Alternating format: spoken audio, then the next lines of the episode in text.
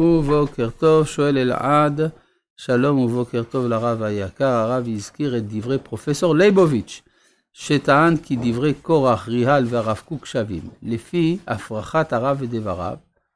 הרב הזכיר את עמדת קורח והרב קוק, אך מהי עמדתו של רבי יהודה הלוי בקשר לקדושה בעם ישראל? תודה. רבי יהודה הלוי לא יחלוק על הרב קוק חלילה. ובכן, אנחנו uh, ממשיכים. בפרק ט"ז בפרשת קורח, בפסוק ו'. זאת עשו. קחו לכם מחטות, קורח וכל עדתו, ותנו בהן אש, ושימו עליהן קטורת לפני השם מחר, והיה האיש אשר יבחר השם, הוא הקדוש, רב לכם בן לוי. הרי הם רוצים כולם להיות בדרגה של כהן גדול שמקריב, שמקטיר לפני ולפנים, הוא מקטיר קטורת, שזה הקורבן היותר נעלה, היותר רוחני, וזה מה שהם רוצים, מתוך תאווה רוחנית. אז אם ככה מדובר על אותם 250 איש, לא מדובר על, אה, על דתן ואבירם. דתן ואבירם הם לא במדרגה שהם מבקשים אה, דבקות אלוהית, הם מבקשים שררה. ולכן הטיפול בכל אחת מהקבוצות הוא שונה. יש טיפול ב-250 איש, יש טיפול מיוחד לדתן ואבירם, ויש טיפול מיוחד לקורח, כל אחד לפי עניינו. אה, ויאמר משה אל קורח, שמעונה בני לוי, כל הדיבור הזה, אגב, שמדבר אל בני לוי, מראה שלפי הפשט באמת זה נכון שכל העדה, כולם קדושים, הכוונה לשבט לוי. המעט מכם כבדיל אלוהי ישראל אתכם מעדת ישראל להקריב אתכם אליו, לעבוד את עבודת משכן השם ולעמוד לפני העדה לשרתם, ואקרב אותך ואת כל אחיך בני לוי איתך וביקשתם גם כהונה. לכן, אתה וכל עדתך, מה? נכון.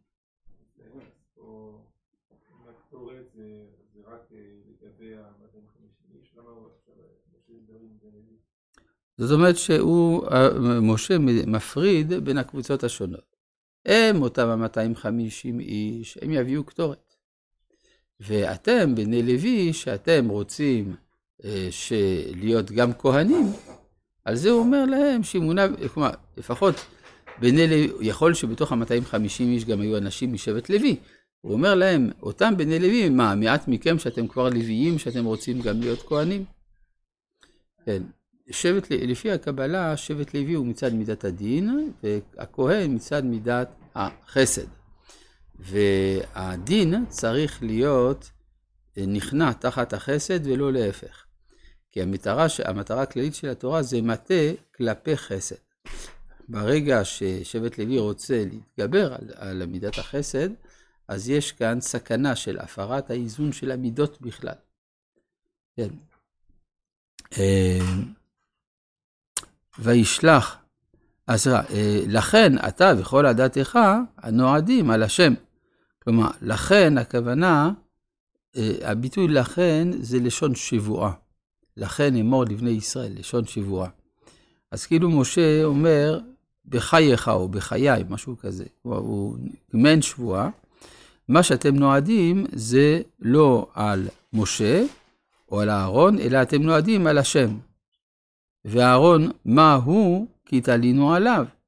כלומר, הוא הרי לא בא מצד הגאווה חלילה, אלא כולם מכירים שהתפקיד של אהרון אה, אה, בעצם הוטל עליו. כן, אז הם טוענים שהם פוטרו, אבל משה אומר שהוא לא פוטר. זה בדיוק העניין. וישלח משה לקרוא לדתן ולאבירן בני אליהו ויאמרו לו נעלה. זה טיפול בפני עצמו, הוא קורא להם, הם אומרים לא נעלה, לפי מה שהסברנו, הם לא רוצים לעלות אל המקום הגבוה שבו משה נמצא מבחינה טופוגרפית. המעט כי ליטנו מארץ זבת חלב ודבש, לעמיתנו במדבר, כי תשתרר עלינו גם משתרר. זאת אומרת, אה, הטענה, העלית אותנו מארץ זבת חלב ודבש, זה על מצרים. זה בעצם לשון לעג. אתה אומר שאתה מביא אותנו אל ארץ זבת חלב ודבש, ואתה הוצאתנו מארץ זבת, העליתנו מארץ זבת חלב ודבש. כן, אה, אף לא אל ארץ זבת חלב ודבש הביאו אותנו, ותן לנו נחלת שדה וחרב. מה? כן, מצרים היא ארץ זבת חלב ודבש. כן. ואתה לא הבאת אותנו אל ארץ זבת חלב ודבש, ותן לנו נחלת שדה וחרב, מעייני האנשים ההם, כלומר, זה לש... כאדם התולה קהילתו באחרים, תנקר, לא נעלה. עכשיו יוצא לפי זה שיש פה שני דברים שונים. ה-250 איש, הם רוצים להיכנס אל אוהל מועד, אל האוהל שבו משה נמצא. ואילו דתן ואבירם עושים אוהל אחר. במקום שמשה לא נמצא, שם הם עושים לעצמם את האוהל שלהם. כלומר, הם מהווים ש... אה, שלטון אלטרנטיבי. כלומר, עדיין אין משכן, לפי מה שהסברנו, אבל הם עושים לעצמם מרכז משלהם, שבהמשך ייקרא גם כן בשם משכן קורח, משכן דתן ואבירם. כן, אז בואו נראה, ואיחר למשה מאוד, ויאמר אל השם, אל תפן על מנחתם. לא חמור אחד מהם נשאתי, ולא הרעותי את אחד מהם. מזה אנחנו לומדים שמותר, לא, שמותר לו לקחת חמור. הוא יכול, אם הוא צריך, הרי מלך פורץ לו דרך ואין ממחה בידו. כל מה שהוא צריך כדי לפרוץ לו את הדרך, הוא פורץ. אז משה אומר, יכולתי לקחת מהם חמור, ולא, אפילו חמור, אחד לא נשאתי. לא ראיתי את אחד מהם. אז עכשיו, זה, עד כאן זה ההצגה של הדמויות. עכשיו זה עובר לפעולה. ואומר משה אל קורח, אתה וכל עדתך היו לפני השם מחר. לפני השם, אתה והם, והם ואהרון מחר וקחו איש מחתתו, ונתתם עליהם קטורת והקרבתם לפני השם איש מחתתו, חמישים ומאתיים מחתות. ואתה ואהרון איש מחתתו.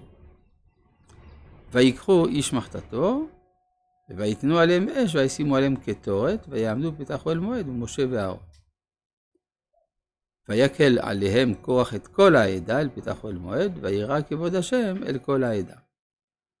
זאת אומרת, כשנראה כבוד השם, לפעמים כבוד השם מופיע בתור פורענות, כן? כשמבקשים לסקול, למשל בפרשת שלח, כשהעם מבקש לסקול את משה ואהרון, וירא כבוד השם. למה וירא כבוד השם? כדי להגן. גם פה אפשר להגיד שזה כדי להגן, או אדרבה, כשכל העדה מתקבצים, גם אם זה לרעה, אז יש כבוד השם שמשתתף. ואז נעשה הבירור. אה, אל תפן אל מנחתה.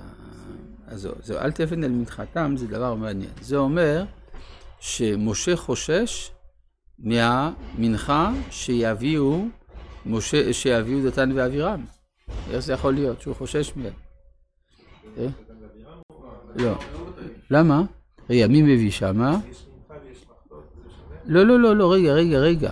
פסוק ט"ו אתה מתכוון, נכון? אז על זה, זה נאמר על דתן ואבירם. הרי מה, מי דיבר לפני כן? דתן ואבירם אומרים לא נעלה. ואז משה אומר אל תפן אל מנחתם. זה לא המחטות, זה לא המחטות, זה לא קשור. זה המנחה. עכשיו, מה זה המנחה הזאת? אז אה, אם נאמר שהמשכן כבר היה קיים, כפי שעולה מכמה מדרשים, אז זה אומר, אל תפן אל החלק שיש להם במנחה הכללית.